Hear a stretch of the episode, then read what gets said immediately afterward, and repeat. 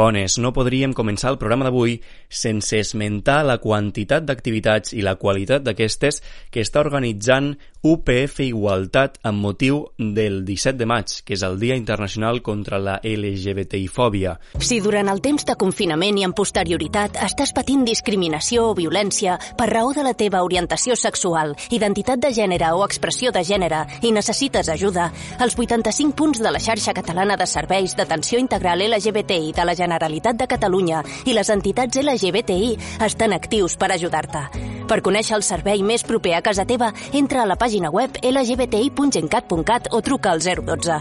Si és una necessitat urgent, truca al 112. De l'11 al 22 de maig eh, trobareu totes aquestes activitats a la web d'UPF Igualtat, upf.edu barra igualtat. Molt interessants les xerrades que estan organitzant.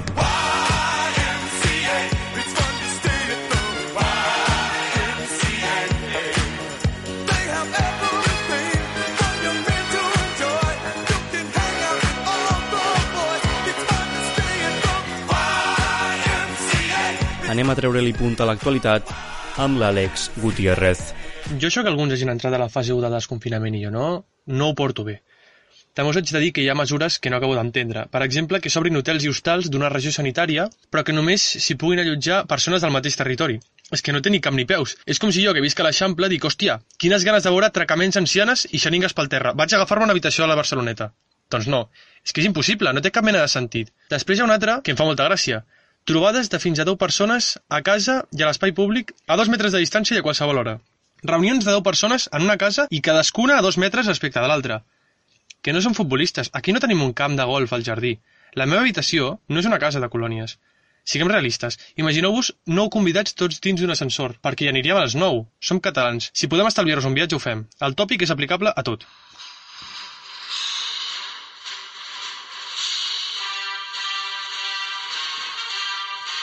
Badalonins, badalonines, Albiol ha vuelto. Després d'un desacord entre Esquerra Republicana i el PSC per fer un pacte d'esquerres, torna l'alcalde de l'eslògan Limpiando Badalona, fent al·lusió als immigrants de la ciutat. Lo que tienen que hacer es darme la dirección de su casa y yo les voy a mandar durante ocho años dos mil personas a rezar por el Ramadán y cada viernes a la puerta de su casa a estos que me dicen que es racista y a ver a ver qué les qué les qué les parece. Així que esperem que a les properes eleccions Badalona passi al i elimini el racisme del govern. Cuando empezó el estado de alarma y se fueron alegremente a cada sus familias o a su lugar de referencia o a lugares más divertidos que el lugar donde estaban estudiando, se dejaron en sus residencias o pisos alquilados los portátiles, los apuntes, los libros. Problemita. Ahora llegan los exámenes. Amb aquestes paraules, el ministre Manuel Castells planta un cagarro i el refrega a les nostres cares. Tio, que tu ets qui en teoria ens ha de defensar, no retreure els qui van marxar per confinar-se amb les seves famílies i invisibilitzar el problema de la docència digital. És que és per enfadar-se. Queremos no, ministro, senyoria. On és el d'Únicos? Como siempre, ya sabéis, chicos, practicar y practicar, y os prometo, de verdad, que aprobaréis. Nos vemos en clase. Abans de saber de la seva persona, les úniques integrals que coneixia eren les de la capsa de Kellogg's. Gràcies, David. Mitja Espanya li deu les mates de batxillerat a aquest home. Aquest sí que és un referent. I ara, bueno, veig obligat a fer menció al personatge de la setmana, Elon Musk. El cofundador de Tesla Motors ha posat el seu setè fill de nom Xavier, que s'escriu X-A-E-A-12. Uh, la X correspon a la variable matemàtica que expressa una incògnita, l'AE, que no vol dir arribar a Espanya, sinó amor i o intel·ligència artificial, i l'A12, que jo pensava que era una autopista, és el nom de l'avió preferit d'ell i la seva dona. En definitiva, no tingueu fills quan patiu una sobredosi de paracetamol perquè passen coses com aquesta. I per acabar, deixeu-me enviar-li un missatge a la persona a qui li va semblar bona idea comercialitzar mascaretes amb estampats.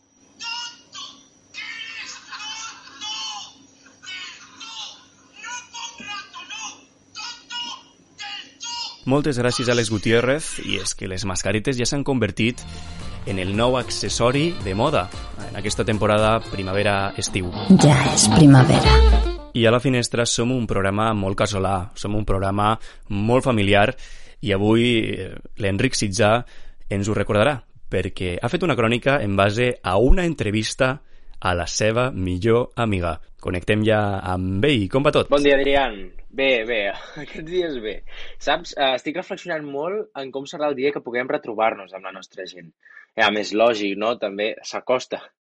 Què sentirem, aleshores? Sí, sí. Potser rejuvenirem, tornarem a ser criatures emocionades que potser doncs, només voldrem cantar, vés a saber.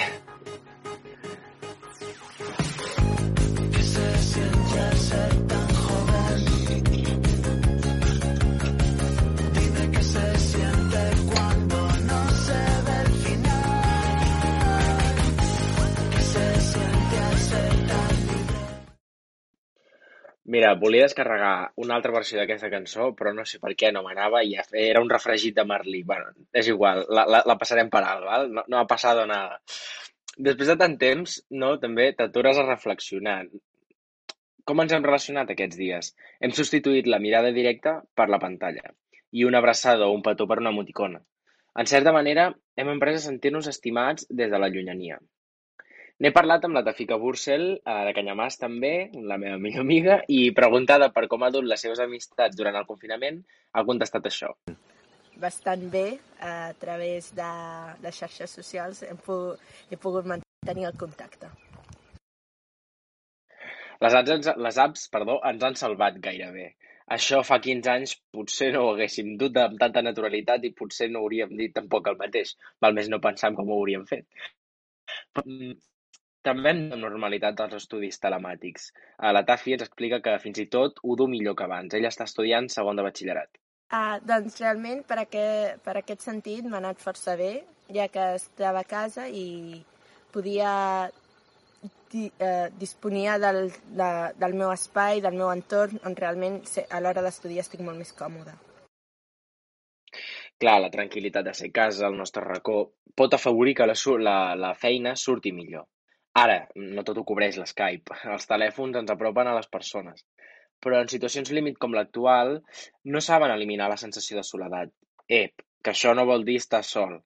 Simplement et sents sol. Tu, Tafi, t'has sentit sola? Sí, no, realment. Jo, crec, jo, jo moltes vegades sí, també perquè sóc una persona molt social i el fet de no estar cara a cara i no tenir aquest contacte ser, eh, una mica físic realment em fa sentir molt sola. Sort que d'aquí poc el confinament i els seus misteris quedaran com un mal record, un d'aquells somnis que quan s'acaba sues, eh? lleves suat, però respires alleugerit perquè s'ha acabat. L'altre dia la Tafi em queixava, se'm queixava de que no parlava d'ella a les seccions. Dic, mira, té, apa, tota una secció per tu, dedicada. Uh, què sentirem quan sortim d'aquí? Recordarem les emocions que hem après a canalitzar i a transmetre a través de la pantalla? Ens veiem la setmana que ve. Moltes gràcies, Enric Sitjà.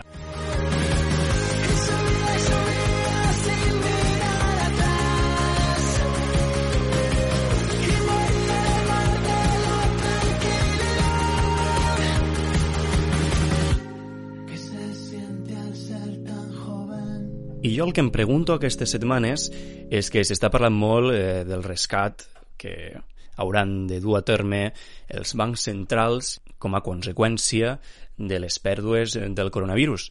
Però, clar, es parla del MEDE, es parla mm, del, de plans, de l'ICO, dels préstecs, dels avals... Anem a posar una mica d'ordre en tots aquests conceptes i a veure quina diferència hi ha entre la situació en què ens trobem ara i la que ens vam trobar a la crisi de 2008. Connectem ara mateix amb la de Font a veure si traiem una mica en clar quina és la diferència entre aquests dos rescats i quines coses estan proposant i com afectaran el dia a dia de la gent. L'anterior crisi, com parlàvem, la resposta europea no va començar a arribar fins l'any 2010. Ara, en canvi, podem fer alguna abans per parlar de la situació. Així doncs, ens trobaríem que per poder fer front a aquesta crisi econòmica podem donar tres possibles solucions. Ens podem trobar d'entrada tres possibles escenaris. El primer seria la possibilitat d'emissió de bons a l'Estat, però en aquesta situació de risc, de crisi, tindríem un tipus d'interès molt alt, és a dir, el deute que emitríem seria bastant alt. Així doncs, um, pujaria aquesta anomenada prima de riesgo, la qual, si puja, pugen els interessos que hem de pagar per poder-nos finançar. I d'aquesta manera, en l'emissió d'aquests bons ens podem donar eh, rescats financers per part de la Troika. La Troika la conformen la Comissió, l'FMI i el Banc Central Europeu. Tot això, aquest rescat mai serà gratuït. És a dir, sempre s'establirà el que s'anomena un memorando d'entendimiento, que és bàsicament on es pacten les condicions per poder accedir a aquest rescat, per poder accedir que et comprin aquests bons de l'Estat, com hem dit. Llavors, realment hi ha politòlegs, com per exemple Pablo Simón, que diuen que aquesta opció en aquesta crisi econòmica no és una possibilitat almenys primerenca, però ara veurem quina és la posició d'Espanya per tal d'acudir al al Mecanisme Europeu d'Estabilitat per un Rescat. Ens explica la ministra d'Afers Exteriors, González Laya. Eh, sobre el MEDE, no, España no tiene pensado acudir al MEDE, que eh, eh, eh, recuerdo, ha creado una línea precautoria, si no me equivoco, de 500.000 euros, eh, 500.000 millones de euros eh, para eh, garantizar liquidez a aquellos gobiernos que la necesiten sin condiciones para hacer frente a los gastos de sanidad. Així doncs, podem veure que descarta, descarta, Espanya, perdó, descarta aquest rescat fins que no estigui entre l'espasa i la paret. I en aquest moment pot ser que per aquest rescat no hi hagi condicions, però en un futur sí, i això seria molt perillós per l'Estat. Cal recordar que també Espanya, en l'anterior rescat de la crisi econòmica de l'any 2008, va tenir a modificar el seu article constitucional 135 per sotmetre's, sotmetre's a un dèficit establert per Europa i donar literalment prioritat absoluta al pagament de deute públic. I ara anem a la segona opció, que seria l'emissió de coronabonos, que suposaria mutualitzar la deuta, però amb un tipus d'interès molt més baix que no en el primer cas. Ara mateix veurem el posicionament de Sánchez, que va dir el dia 28 de març. Pues sea un mecanismo de estabilidad precisamente para emitir bonos que mutualicen la deuda a nivel europeo, por ejemplo, emitiendo bonos eh, coronavirus. Cal matisar que els països dels quals eh, ens podem referir que estan d'acord o en desacord per l'emissió de coronabonos estan situats al nord o al sud, així doncs els del sud situats a favor de l'emissió de coronabonos o bonos coronavirus, com ara deia Pedro Sánchez, i els del nord, que són països normalment generalment més rics, estaven en desacord. I ara bé, ens posicionem a la tercera opció, la última opció, per tal de fer quelcom per millorar, per situar-nos en millor posició davant d'aquesta crisi econòmica que esdevindrà degut al Covid-19, i és l'emissió de bons de reconstrucció. Aquests bons no mutualitzarien el deute, sinó que generarien un deute perpetu per part de l'organisme europeu. És a dir, s'estaria creant una fiscalitat europea. És a més a més, suposarien no només tornar els interessos, no tornar els interessos, perdó, que es pagarien directament, sinó que no es pagaria el deute, és a dir, només es pagarien aquests interessos i no el deute en si, i no directament a sobre.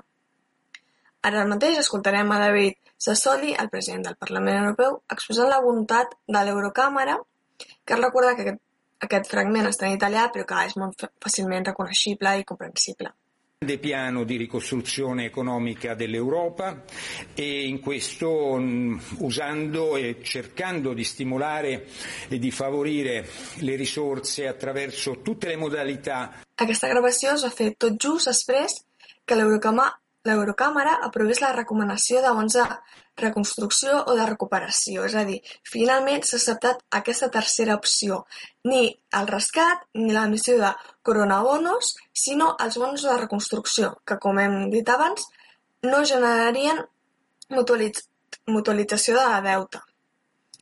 I ara tots ens preguntarem, i ara què? Ara què farem? Ara, quin és el camí per tirar endavant? I és que s'ha de discutir la quantitat d'aquests bons i a més a més s'ha de debatre si es faran en forma d'inversió directa o de deute. Ens trobem també davant de la Unió Europea que pot sortir debilitada o enfortida d'una crisi, però personalment que crec que mai destruïda.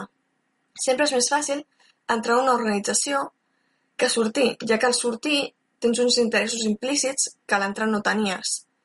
Fins al 2004 ens trobàvem davant d'una Unió Europea imparable, però amb el fracàs de la Constitució Europea a l'any 2004 i el Brexit, que finalment s'ha acabat constituint aquest any en forma de sortida del Regne Unit de la Unió Europea, la Unió Europea s'ha vist bastant afectada.